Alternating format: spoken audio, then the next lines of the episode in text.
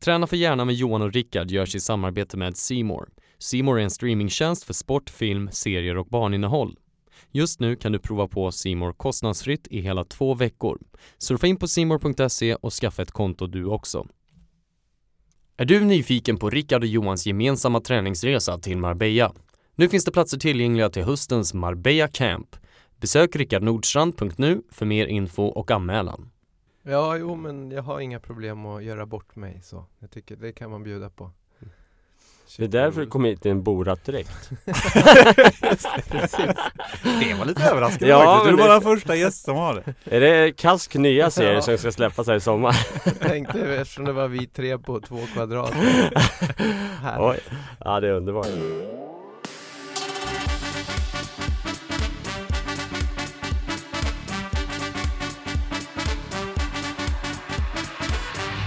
Ja, hej och välkommen till Träna för hjärnan med Rickard och Johan. Och idag har vi ingen mindre än Sverre Liljekvist på plats. Välkommen! Tack ska du ha. Ja, Sverre Liljekvist heter jag. Skidåkare, bor numera i Nacka där jag också är uppvuxen. Har dedikerat mitt liv till skidåkning och eh, ja, vi ska prata lite om inspiration, risker, allt möjligt härligt. Och om ni gillar det sen så kan ni följa mig på Instagram, Sverre Lilly heter jag. Utöver skidåkningen så är du ju en egen företagare och en entreprenör. Du har haft olika företag och det som jag känner till det är ju Kask, ditt klädmärke. När satte du igång med det? Ja, det var ju jag och min eh, vapendragare då, Kai Zackrisson från skidåkningen. Vi eh, startade egentligen varumärket 2002. Eh, men innan det så hade jag virkat mössor då, då i några år. Mm. Och han var väl så här haka på och tyckte det var roligt och kom till en punkt att vi borde sätta ett namn på, det, på de här mössorna då. och då blev det Kask. Och ni träffades på skidgymnasiet? Ja, vi har känt varandra sedan vi var 16. Vi Ja. gick på skidgymnasiet i Malung, Dalarna. Ja, kul! För du, vart är du uppväxt någonstans? Jag är från Nacka. Nacka-kille. Mm. Men hur kommer då skidåkning till hands? Att man liksom blir intresserad? Är du en skateboardkille från början och sen vart det... Hur, hur blir man- Nej, jag var sportfåne liksom och, och, och höll på med skidåkning, gymnastik och sen åkte vi iväg till fjällen med familjen ju. Åkte skidor och då tyckte jag det var kul så att då satte väl mamma och pappa mig i klubben i Saltis där. Fick jag vara med och träna liksom. Och sen gick det ganska fort. Eh, jag var duktig på det och kom i distriktslag och så vidare och sen rullade det på liksom. Intressant. För jag känner inte till det på det sättet men hur eh, du, börj- du kom in på skidgymnasiet då eller hur? Ja, alltså vi började ju med klubben eh, och körde små tävlingar runt omkring Stockholm och sen hade de ett så här distriktslag, Stockholmslaget, som sög upp talanger i området så här och, och så började man träna med dem och, och, och då fick jag även blev upplyst av mina tränare där att det går att söka så här idrottsgymnasium om, om, om ni vill, om ni Ja, så gjorde jag det. Då drog jag till Dalarna och sen Jag älskade att åka skidor och gör det än idag liksom så det var ju mitt i prick för mig att få komma iväg och, som 16-åring liksom och det var första äventyret att flytta från stan till, till vischan. Just det. Eh, Men, men de som lyssnar på det här som inte känner till eh, dig Sverre, så är ju du, eller kunnat livnära på skidåkning helt enkelt och gjort helt galna saker. När liksom gjorde du ditt genombrott som du kände att det här är faktiskt någonting jag kan, kan leva på? Ja, alltså man investerade ju all sin tid som ung i skidåkningen då, om man säger, som traditionell racing. Eh, och jag åkte stora tävlingar runt om i världen och det landade väl i att vi var ett gäng som åkte över, vi släppte det här traditionella racingen med landslag och det och, och valde att åka till USA för att köra på proffstouren där i parallellslalom. Eh, och då fick man liksom upp intresse för att resa och, och ja, träffa lite andra människor än de här trikåtyperna liksom i, i Alperna. Eh, ja, så det var väl då liksom det kom igång och, och efter ett par år där så vidgades vyerna ytterligare så då åkte jag upp till Riksgränsen och körde NM i extremskidåkning mest som en kul grej tillsammans med Kai Zackrisson då. då. Mm. Och det var liksom då det tog av lite grann för det gick bra, vi gjorde bra intryck där. Jag blev nordisk mästare och fick en entrébiljett till VM i Alaska året efter och vi blev inbjudna att börja filma och, och köra såna skidfilmer och foto och grejer. Sen så drog det igång. Så att jag har väl kört professionellt sedan 99 kan man säga. Coolt. Är det här liksom, kan man klassa det här lite som eh, vad heter? X-games. Fanns det så i skidåkning på den tiden? Ja precis, vi körde även skicross då och det var med X-games och är ju än idag. Så Ja. de, den grenen körde jag också. Eh, men det är väl mer som stora bergsåkning. Nu för tiden finns det en världstour. Så det är fem, sex tävlingar per år runt om i världen och sen korar man en världsmästare då. Och, Ja. och sen utöver det så är det ju hela den här filmindustrin och, och liksom lite så den biten är ju nästan lika viktig som resultat, resultaten på tävlingen. För det är ju lite skillnad och att då står på toppen eh, Som jag är en vanlig skidåkare och åker upp till Åre ibland med familjen och åker. Så kommer man komma upp till toppen då finns det då blå, röd eller svart. Och svart är alltid så här, den är lite läskig. Ska jag ta den här? Men du är ju liksom på en helt annan nivå. Jag har ju sett filmer när du står och ska åka ner för ja, Det är ju inte ett berg, det är liksom ett stup. Man ser ju dina skidtoppar hänger ju ut över liksom kanten och det är liksom det är ju verkligen rakt ner. Hur går tankarna där och då? Ja, alltså det är ju, jag åker också till Åre och åker skidor med familjen idag. Men, då tar du bara svarta backen. jag piskar ungarna nere. Nej då. Nej men det är ju en helt annan, då går man ju in i ett helt annat mode liksom om man ska filma eller köra en tävling. Som vissa åk på tävling till exempel, de det är inga åk man åker till vardags utan det krävs ju liksom veckor med förberedelser mentalt och sådär. Man, man peppar sig själv och liksom försöker hitta någon bra sinnesstämning och det och sen är det ju att vara minutiös i förberedelserna liksom. Man vet precis var man ska åka, man har full koll på vad det är för förhållanden som råder, om det är bra, bra eller om det är lavinfarligt eller hur höga klippor det är och så vidare. Så när man väl står i startgrinden då har man ju liksom absorberat all den här informationen och då är man ganska ren liksom. I, det är väl det som gör, driver många som, som gillar att tävla, att man man har gjort så mycket man kan liksom och sen när man väl står där då är man bara helt blank. Då är det bara att leverera liksom och bära eller brista lite grann. Jo men det känns ju som varje åk är som livet insats när man står och ser uppifrån. Liksom när ni åker upp med helikopter till den här toppen. Hur högt är det ungefär när det Mm. brukar vara? Ja men det kan vara, det varierar. Det, men ett, längden på ett åk är väl eh, ett par minuter eller en, en och en halv minut sådär. Så det är ganska intensivt ändå då. Men då är det snitt, som när vi kör finalen på världstouren i, i Verbier, Bec de Ross heter det berget. Ja. Det är eh, 45 grader i snitt från start till mål då. Så det är liksom betydligt brantare på många partier där. Och där vill man inte trilla för då är det svårt att få stopp. Och vad kommer man upp i för hastigheter? Om vi pratar kilometer. Ja, det beror också på. Det här är, det, man bedömer inte, i tävling så bedömer man inte farten utan man bedömer linjeval, flyt, kontroll, teknik och aggressivitet. Det är lite som gymnastik, man summerar en poäng liksom. Men när man filmar och så och man kör en, mer, en öppen linje som inte är så teknisk då, då kan det damma på ganska bra. Vad, ungefär, vad kan man uppskatta Ja hastighet? men jag tror att eh, Reine Barkered som kör på touren nu, en svensk kille som är riktigt duktig. Han var väl nästan uppe och snudda vid 100 blås nerför Bäck i år på finalen där. Det är ju faktiskt imponerande. Åka Ja. 100 km i timmen. Det är liksom ett stup. Och du vet att ett felskär, då kan det vara kört. I en och en halv minut ska du koncentrera dig. Det är ju ganska... Ja det är intensivt. Men Eh, hur, hur, hur går tankarna? Som du säger, du gör en uppladdning, du är sådär. Men du måste ju ändå... Pulsen måste gå upp när du står där. Du måste dagarna innan, måste du känna så här.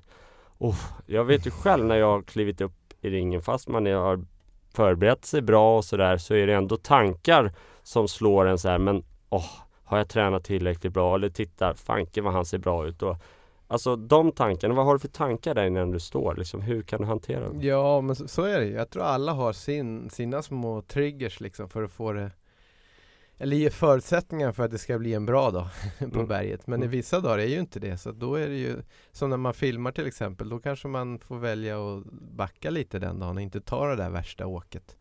Så även på tävling kan det ju vara svårare eftersom då är det ju dags att leverera. Då vill man ju verkligen pusha sig då för att vinna just den dagen liksom. Men för mig så jag är också skitnervös liksom. Det var skönt att höra. Jag är ju nervös bara att prata om det. Alltså jag har ju sett dina filmer så alltså, Jag är så sjukt fascinerad och imponerad. Min skidbakgrund, jag är liksom så här nybörjarkurs när jag var 31 i Mm. typ Sälen. Du är nyfiken? Och då börjar man så här, vet, ja det här är en pjäxa.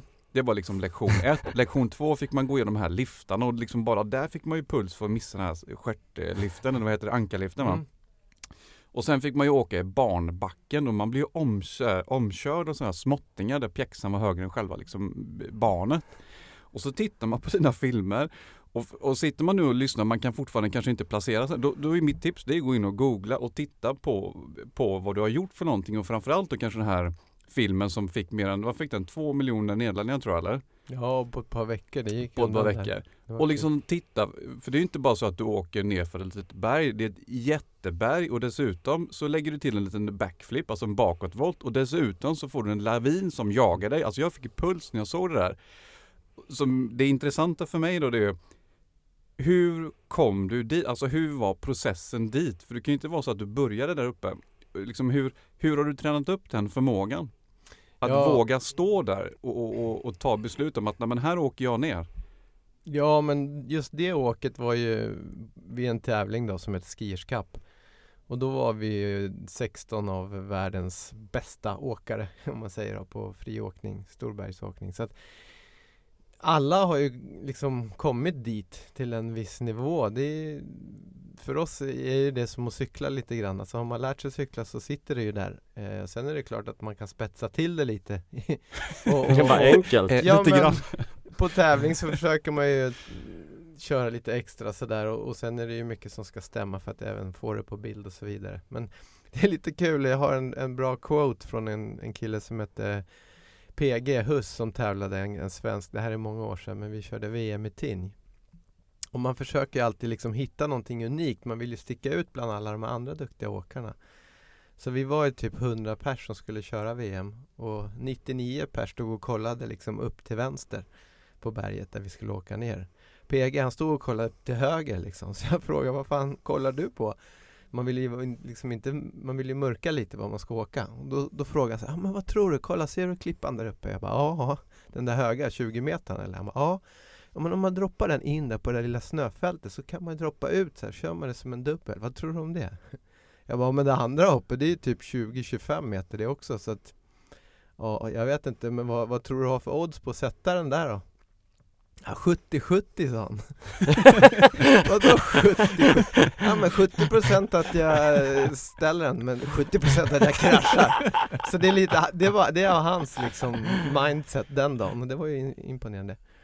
Men, men kan du komma ihåg när du liksom började tänka att ehm, de här backarna, eh, utmaningen i de här backarna som finns räcker inte för mig, jag vill ha mer. Liksom, när började det? Kommer du ihåg under skidgymnasiet? Eller när, när började du? Och, Ja, men tänka. jag, jag tror att alltid, det var det som var liksom grejen för mig med det här med friåkning och stora berg och Det är ett sätt att uttrycka sig på ett annat sätt än, än racingen där man jagar sekunder, hundradelar, röd, blå port liksom. Det är ju fascinerande och superhärligt när det sitter ett åk där också.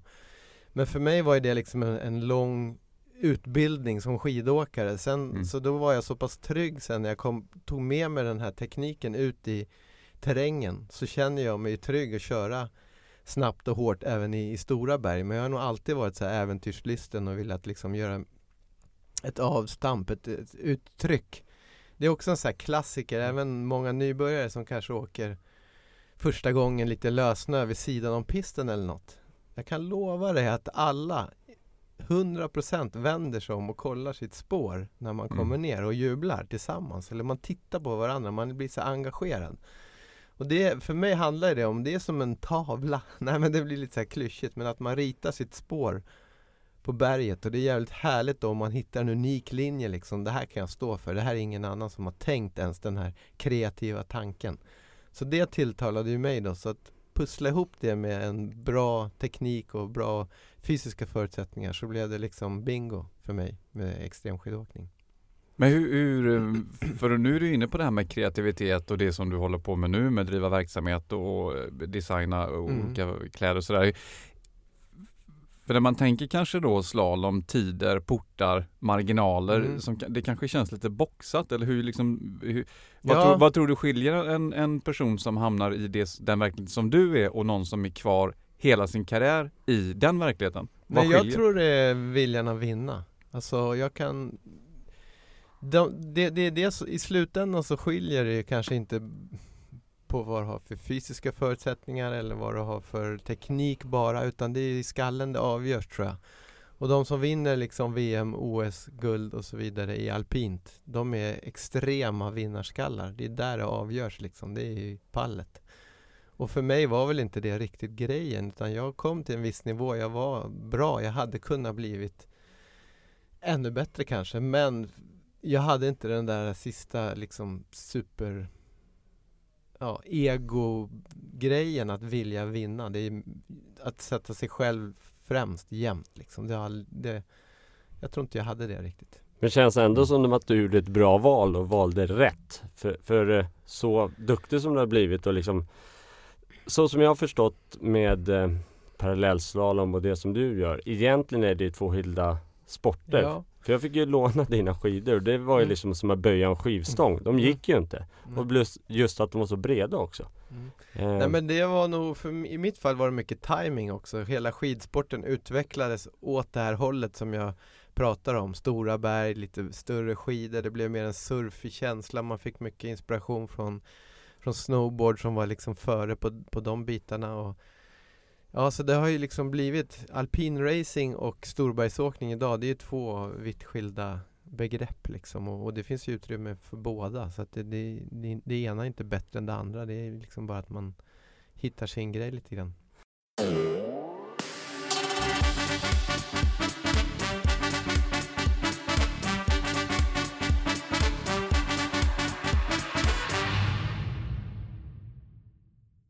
Är du nyfiken på Rickard och Johans gemensamma träningsresa till Marbella? Nu finns det platser tillgängliga till höstens Marbella Camp. Besök rickardnordstrand.nu för mer info och anmälan.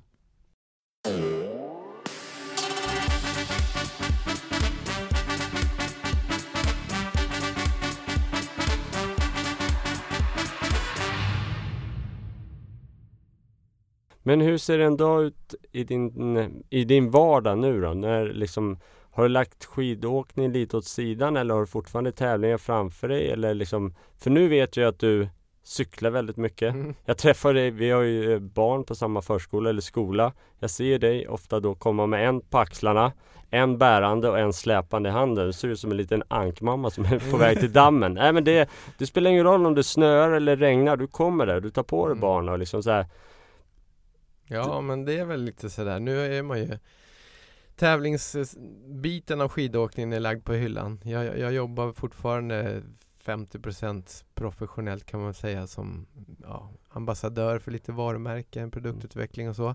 Foto och mindre filmsnuttar och det men inte liksom alls det här jag beskriver att man måste komma förberedd på samma sätt som till en tävling liksom. Men Utan- du är ju väldigt bra fysisk form kan man ju säga. Du har alltid hållit dig väldigt bra form. Jo, men jag tror, det, det håller jag med om och det är lite drivkraften nu ju Mm. att hålla sig i shape även fast man börjar komma upp i åren och, och dels för att kunna orka, vara nyfiken och orka Mm. testa nya grejer men också för liksom hålla, orka jobba och liksom känna att man trivs i, i sin kropp och allting liksom. Det, det, allt det där hänger ihop men nu bor jag ju i Stockholm, det är inte så höga berg här Nej. liksom och jag har tre barn, helt galet, jag Mm. fattar inte vad som hände.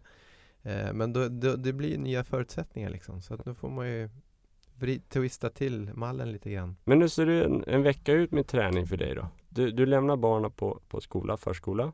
Jag opererade knä 2009, korsband och menisk och, och blev liksom ordinerad eh, vila och sen visste jag att det var tio månader innan jag kunde stå på skidorna fullt igen. Så då kände jag, och springa var väl inte så här jättebra. Så då började jag cykla, köpte en cykel liksom.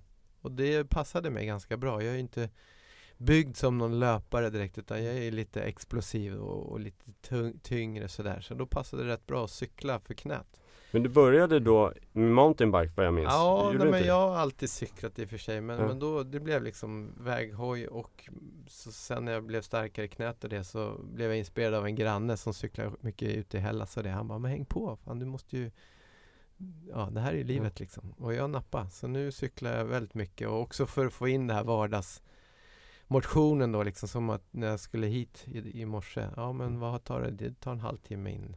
Ja då kan jag dra en halvtimme in och sen får jag lite tid på vägen hem så kan jag ta en extra repa över Hellas eller något liksom. Och styrketräning då? För det... Ja, nu har jag ett litet gym hemma så att jag försöker köra på kvällar. Ja. Eh, köra igenom kroppen sådär kanske ett par, tre gånger i veckan. Men, men nu sen vi fick våran trea, Daniel som kom i september förra Mm. året, så har det inte blivit så mycket ork till det. Men det, skivstången, det är dags att damma av den och ta bort galgarna från tvättstugan. men, men, men apropå det, vi sitter och pratar här att du är extremskidåkare, du gör liksom Du sätter ditt liv i fara varje gång du tävlar och liksom Ofta så är, har du inte haft så mycket skador men härom veckan så När jag träffade dig och ville fråga dig om du skulle komma till den här podden Då satt du med liksom en, en lindad tumme Mm. eh, Och jag bara, vad har hänt här? Eh, kan du berätta det för lyssnarna vad som Alltså jag vet inte vad det är men jag är säkert lite klumpig också. Alltså bara en liten anekdot men när jag växte upp så var vi mycket ute i skärgården och sprang runt barfota på klipporna liksom och Beroende på min nyfikenhet så, och min dampighet liksom att vara ute så satte morsan på mig flytväst och hjälm För hon pallade inte liksom.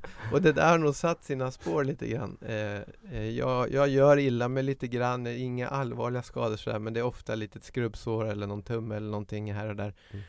Men det är väl för att jag väljer att vara liksom nyfiken och testa på lite nya grejer och så här och då Men till det mig, till tummen sa du ju faktiskt att Det var det jag tyckte var lite roligt att du sa Nej men jag har en nyfödd, jag får gå och Ah. bära den hela tiden så jag har fått Mm. verk i tummen och det tycker jag ändå Mm. som att Liksom varit extremskidåkare, klarar sig väldigt bra och så kommer man med lindad tumme för man Ja. går och bär sin lilla nyfödda Nej, Det tyckte jag är var det. fantastiskt Så är det, det är liksom Ja man går där och bär i dåliga vinklar och hej och tycker att man gör någonting bra Men lik förbannat trillar man dit på någon överansträngning eller Det är ju fantastiskt, alla har en akilleshäl Och då Ja. vet du Sverre, det är den i tummen Ja, hälen i tummen, jävligt sant Men Sverre, om man skulle ta bort ordet extrem då och titta på det här med skidåkare. Du återkommer ju väldigt mycket till, till ordet nyfiken. Du verkar otroligt nyfiken på olika saker och det här som du sa att jag, jag har inga problem med att känna mig som nybörjare. Om man lyssnar nu och kanske tänker att ja, extremskidåkare kommer jag kanske aldrig riktigt bli, men jag skulle någon gång vilja uppleva att åka slalom. Alltså ner för en backe i någon form av slalomvariant. Vad är dina tips då? Hur, hur ska man liksom börja när man kanske då har passerat eh, ungdomsstadiet och man är i vuxen ja, ålder? Det är kört Tänk på att din inspirationspodd. Nej men, Hur kan man börja liksom? Vad är, vad... nej men att inte vara så jävla insnöad på teknik och vinklar och hej och hå liksom. Man kan väl börja och det är klart att man ska ta hjälp och råd så här, av, av basic information om hur, okej så här, det här kan vara bra, testa att vrida in knät liksom. Men du behöver inte vara så millimeternoga liksom, utan kom ut istället och prova på, känn på, var inte så jävla stiff och rädd att det ska se fult ut liksom. Jag vet det, många tycker att de känner sig liksom obekväma och, och nu- folk tittar på mig. Skit i det, utan försök att börja en lättare backe istället och bara slappna av och känn hur svårt kan det vara alla andra kan och, och, och tro på dig själv liksom. Och sen när du har passerat det stadiet, okej jag fixar liften, jag fixar det här, okej snön, och, mm, då försök att hänga på de som är lite bättre hela tiden så att du liksom blir lite småpushad så här att ja men jag kanske ska prova en röd backe nästa gång liksom. Så adda på lite Men hur eftersom. kan man coacha där då? För att eh, säg nu att man kanske tänker att nej men jag, jag är så rädd för att ramla för då kanske någon skrattar åt mig när jag ramlar i backen och man Mm. ligger och har faceplantat i snön liksom. Och, eller jag kanske ramlar i liften. Så att liksom tankarna innan man ens har försökt har ju liksom satt stopp för processen. Och så säger så ja ah, men sluta bry dig om vad andra tycker. Mm. Men liksom hur kan man liksom, hur kan man verkligen gå från tanke till handling och våga då kanske till och med bara hyra ett par skidor. Mm, Dra upp i någon lift och bara testa. mm. Hur, liksom, hur kan man gå från tanke till handling? Ja, jag vet inte. Försöka kom, kliva ut ur sig själv lite grann och, och titta på hur du själv liksom tänker om någon som trillar. Bryr du dig? Nej. Du kanske tycker lite synd om den där personen Lott, men hjälp den då, eller skit i det och, och prova själv. Alltså det är inte så. Det, det är som livet i övrigt. Det, det, det går igen överallt, på alla områden. Mm.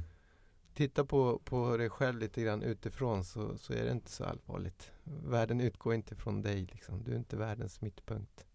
Shit vad Ja. härligt. Ja, Nej, det var bra sagt. Eh, jag ser ju på dig här nu när vi står och pratar så har du skrapsår på armarna och benen. Vad, vad har, vad har har hänt? hänt? Nej, jag vet inte. Jag snubblade i backen uppe i Järvsö. Vi var där och cyklade på cykla downhill. Alltså utveckla cyklingen lite mot skidåkning. Ja, du och din son. ja, vi var där i mm, tre familjer faktiskt och Mm. cyklade tillsammans. Det var hur kul som helst. Men så blev det ett litet eh, incident. Eh, så att eh, jag fick skrubba upp eh, ena sidan. Ja. Men, Kan ja. du ta igenom för oss vad Ja, som det är hände klart jag exakt? kan göra det. Vi, vi delade upp oss lite. Ungarna körde pumptracken där nere. Och Pine Pump Track. det är en, en bana som det inte går så mycket nerför utan man skapar fart genom att köra över små kullar och hopp och kurvor liksom. Så man pumpar sig runt bara. Ja. Superbra liksom. Finns det något sånt i Nacka?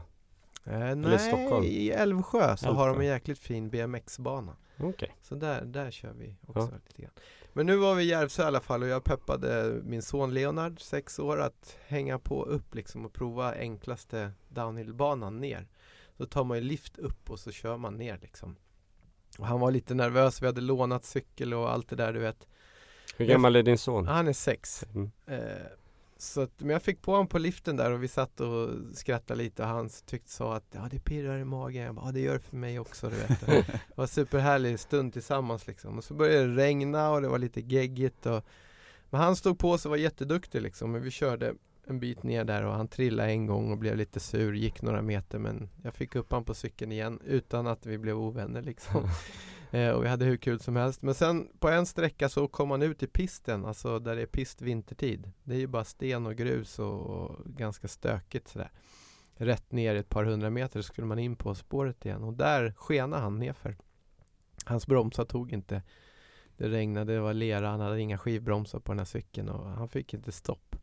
Så det var jäkligt otäckt faktiskt. Vad gör man då som pappa? Ja, precis. Vad gör man då som förälder? Man blir helt skitnervös och tankarna rusar liksom. Vad kommer hända? Ska han bryta benet nu? Ska han köra in i ett träd? Eller skitjobbigt. Så att, eh, ja, jag vet inte. Jag rannsakade mig snabbt i skallen och så bara drog jag ifatt honom allt vad jag kunde då. då.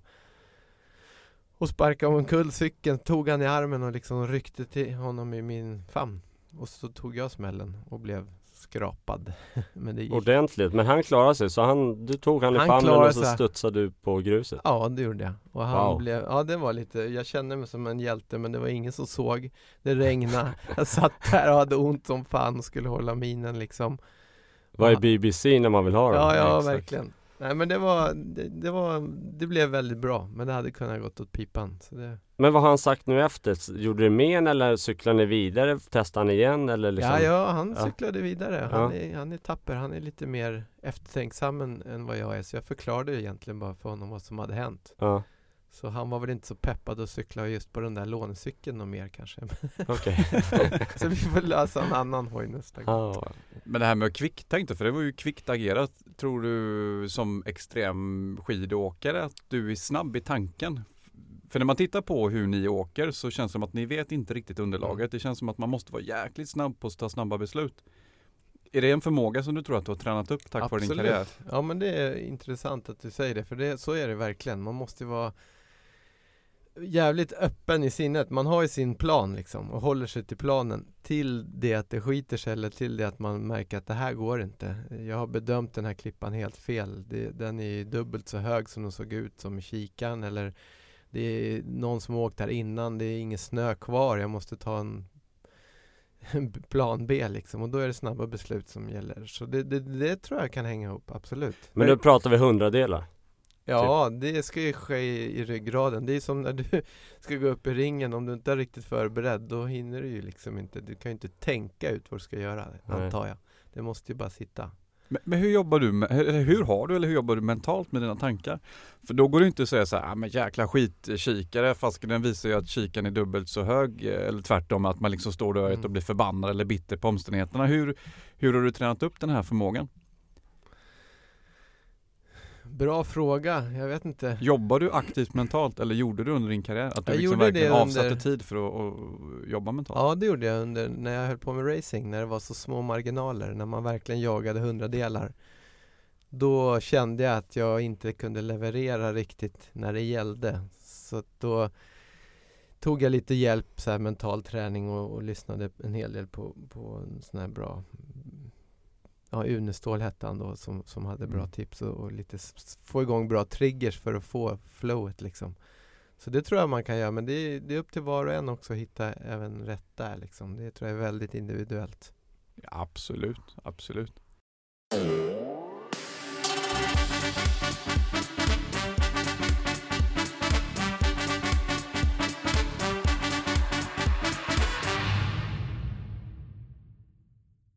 Jag hade ju en vald sanning att jag var så här höjdrädd.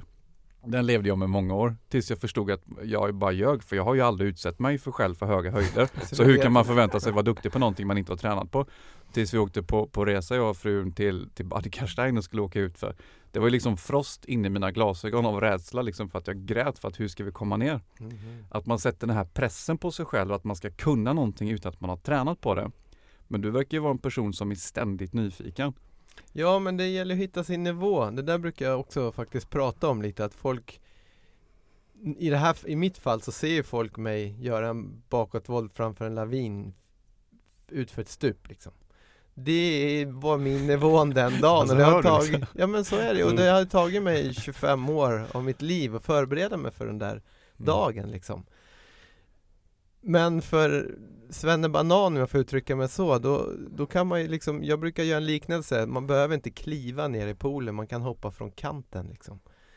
Ja, du, du kommer inte slå ihjäl det, men du får det där lilla, lilla pirret. Om det är bryggkanten, poolkanten eller trean eller tolvan på, på badhuset. Det, spel, det är där du som sätter ribban, men om man bara pushar den där äh, trygghets... Eh, vad säger man? Zonen. Zonen Mm. ja, lite, lite, lite grann så får man så jäkla mycket mer igen. Man blir sjukt nöjd efter då. Och det, det har jag nog upplevt i mitt liv och vill ha mer av hela tiden. Och det här med rädsla då? Har du någon gång känt rädsla för att nej, men du gör det i alla fall? Eller hur, hur, hur går eh, samtalet där? Ja, alltså Exempel, tänk om jag kraschar eller tänk om jag väljer fel eller tänk om jag, tänk om katastroftanke. Jo, så var det nog mer när jag höll på med alpin racing faktiskt. Att tänk om jag kör ur i kvalet nu, då får jag inte köra finalen när det var på Mm. parallelltouren. Eller tänk om jag gränslar nu när jag ska försöka åka så nära portarna som möjligt. Då kom det upp så här negativa tankar och det. Men i, i, det tror jag, för mig var det lättare att trycka bort de tankarna när jag kom i, i friåkningen. För då var det så fritt. Det var liksom ingen som förväntade sig, det var jag själv som satte upp liksom stolparna för mitt åk, vad som jag skulle leverera. Då var det mycket enklare att hitta rätt i känslan och allting. För det jag tänkte också på det, det var ju det här med inre och yttre press, inre och yttre krav.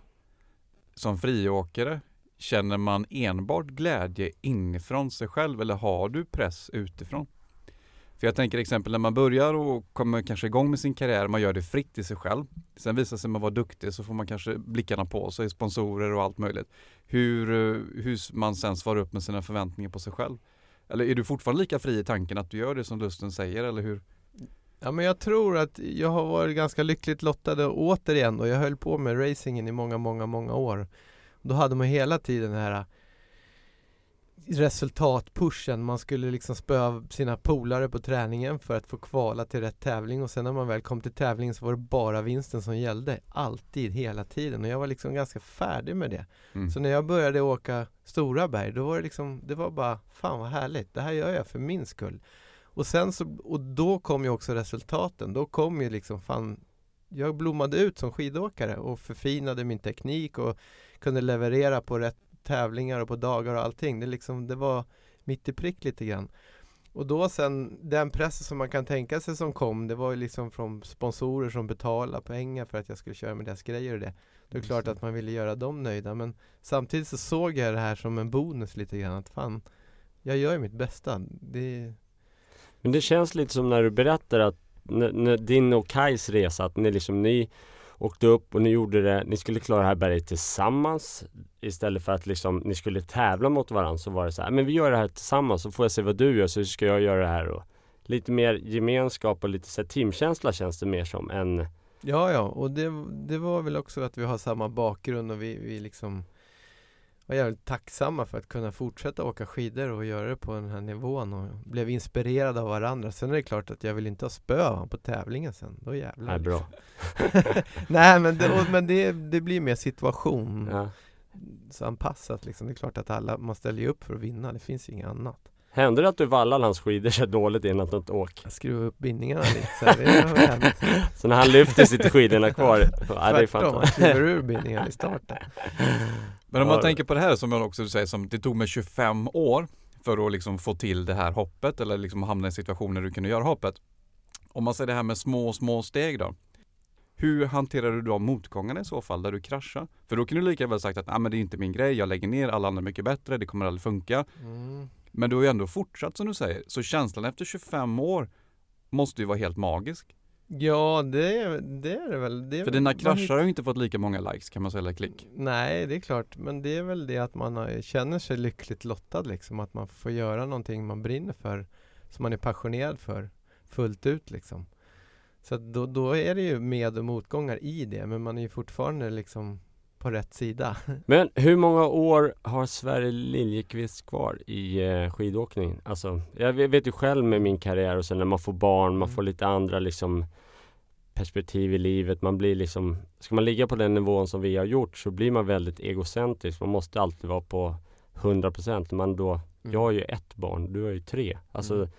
har du någon gång slagit i tanken, nej nu måste jag sluta satsa på familjen?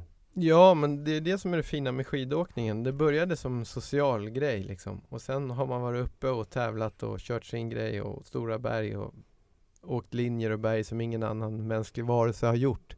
Den biten, den är jag ju klar med nu. Den får jag lägga åt sidan. Men jag kan ju fortsätta åka skidor. och Jag kan göra små åk som jag passar in i hur mycket jag kunnat förbereda mig. Och skidor kommer jag åka hela livet. Jag ser liksom ingen stopp på det. Kan man säga att den här backflippen var lite ditt sista stora åk? Ja, det var faktiskt lite, jag pratade med någon skidåkarpolare i, nu när jag var nere i Zermatt i april. Och vi åkte bra liksom åk och vi upp på stora branta berg och allt det här. Men, men just det här topp till botten, binda ihop ett åk, köra en, en hel linje som är extrem så. Det, det är ett par år sedan jag gjort det och jag känner den, jag kan sakna det där pirret lite Mm. grann. Så är det. Men det får man väl leva med. Man får göra sina val här i världen, Ja. i livet. Men försöker du omsätta det pirret i ditt företagande nu? Att skapa någonting som du inte har skapat tidigare? Ja, alltså jag tror jag är ganska, känner mig lyckligt lottad igen då, att jag har dels Kai som vet liksom, jag har ju delat så sjukt mycket med honom och att vi nu jobbar ihop och driver det här bolaget Kask tillsammans. Eh, och att vi även liksom kan fokusera på det. Det är många som har svårt att hitta en drivkraft och det i någonting när man har dedikerat sig så, så länge till någonting annat. Då kan det bli ett tomrum där som kan vara svårt att fylla, men det fyller vi med Kask. Men, men kask var väl från början, det var väl skidkläder med glasögon och lite underställ och sådär. Men nu har jag förstått att ni också går in i glasögon. Ni ska lansera en ny serie här nu till sommaren. Ja, vi har precis släppt lite solbriller som vi är supernöjda med. Ja. Ja. Det är väl mer för att också synas liksom i butikerna på, på helår och det. Eh, men det, de funkar bra för att cykla då såklart Ja. och åka skidor och även bara Det är lite sportglasögon helt enkelt. Ja, men vi har några schyssta ramar som passar bra även på stritan. Ja. Du har ju facet, du klär ju dem där. Eller? Ja. Men när vi pratar om stress då, hur är din, eh, hur är din relation och hur relaterar du till begreppet stress? Ja, stress, det, det, blir, det klingar ju negativt men det finns ju positiv och negativ stress. Så det är ju situationsanpassat ska jag säga. Jag känner mig stressad varje dag men oftast är det tyvärr negativt för att man måste till förskolan och lämna eller man hittar inte sina jävla nycklar eller vad det kan vara. Det är en typ av stress men ja, vad tänkte du på? Nej men just om du har strategier för att kunna hantera och kunna parera i tid så att säga. Om du är medveten om, eh, om att det är stress och att du liksom jobbar med det, eller hur?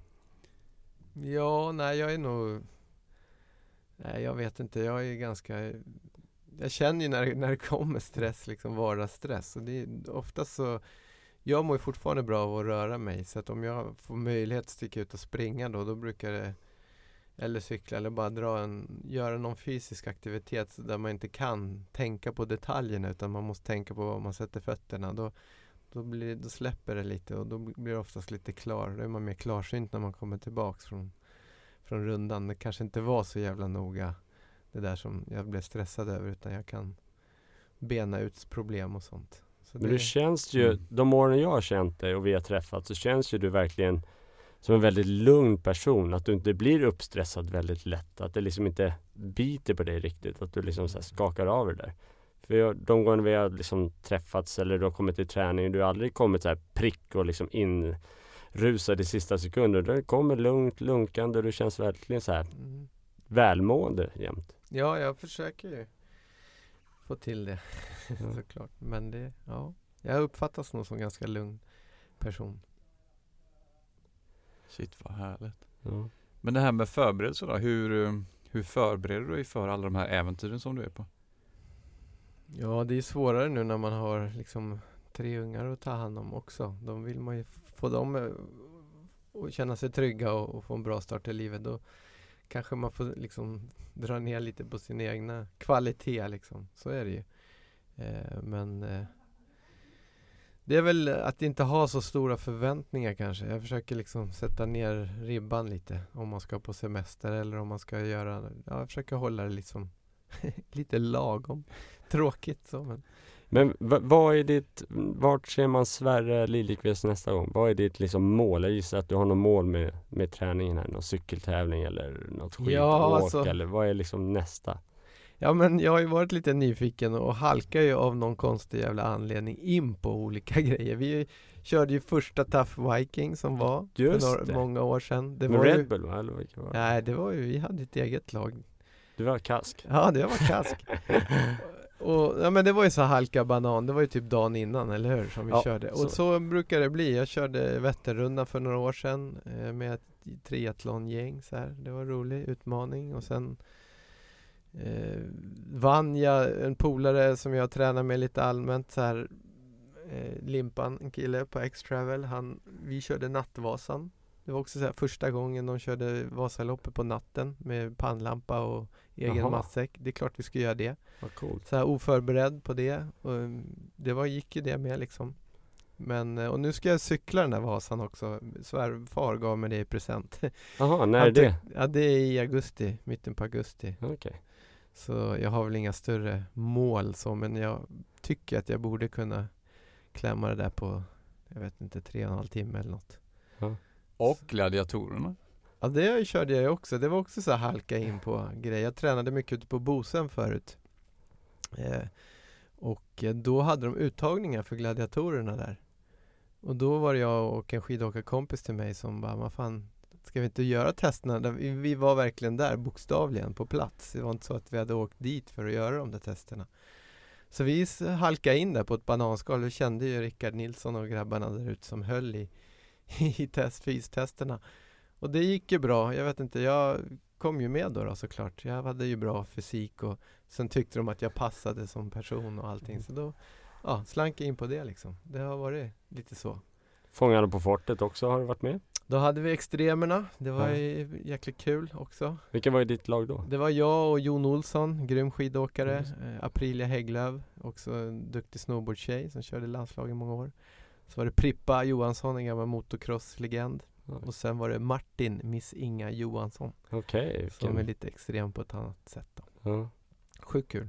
kul. Men när du är med på många olika saker som du säger, hur duktig är du på att säga nej och vilka tillfällen säger du i så fall nej till? Ja, nej men där jag inte känner att jag kan vara mig själv liksom. Om jag, om det, om jag ska, när det blir så här konstlat. Eh, jag är inte så bra på att gå på manus har jag märkt. Jag körde några nära och fjärran eh, program också. Jag gjorde, spelade in tre.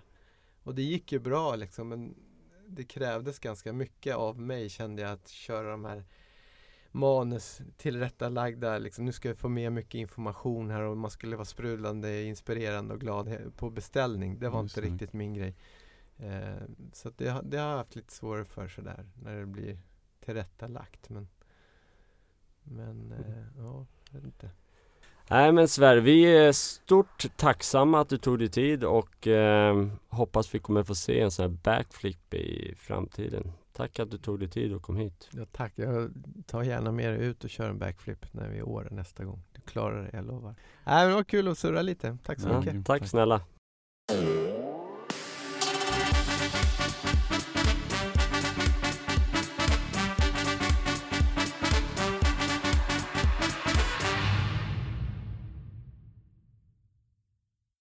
Är du nyfiken på Rickard och Johans gemensamma träningsresa till Marbella? Nu finns det platser tillgängliga till höstens Marbella Camp. Besök rickardnordstrand.nu för mer info och anmälan.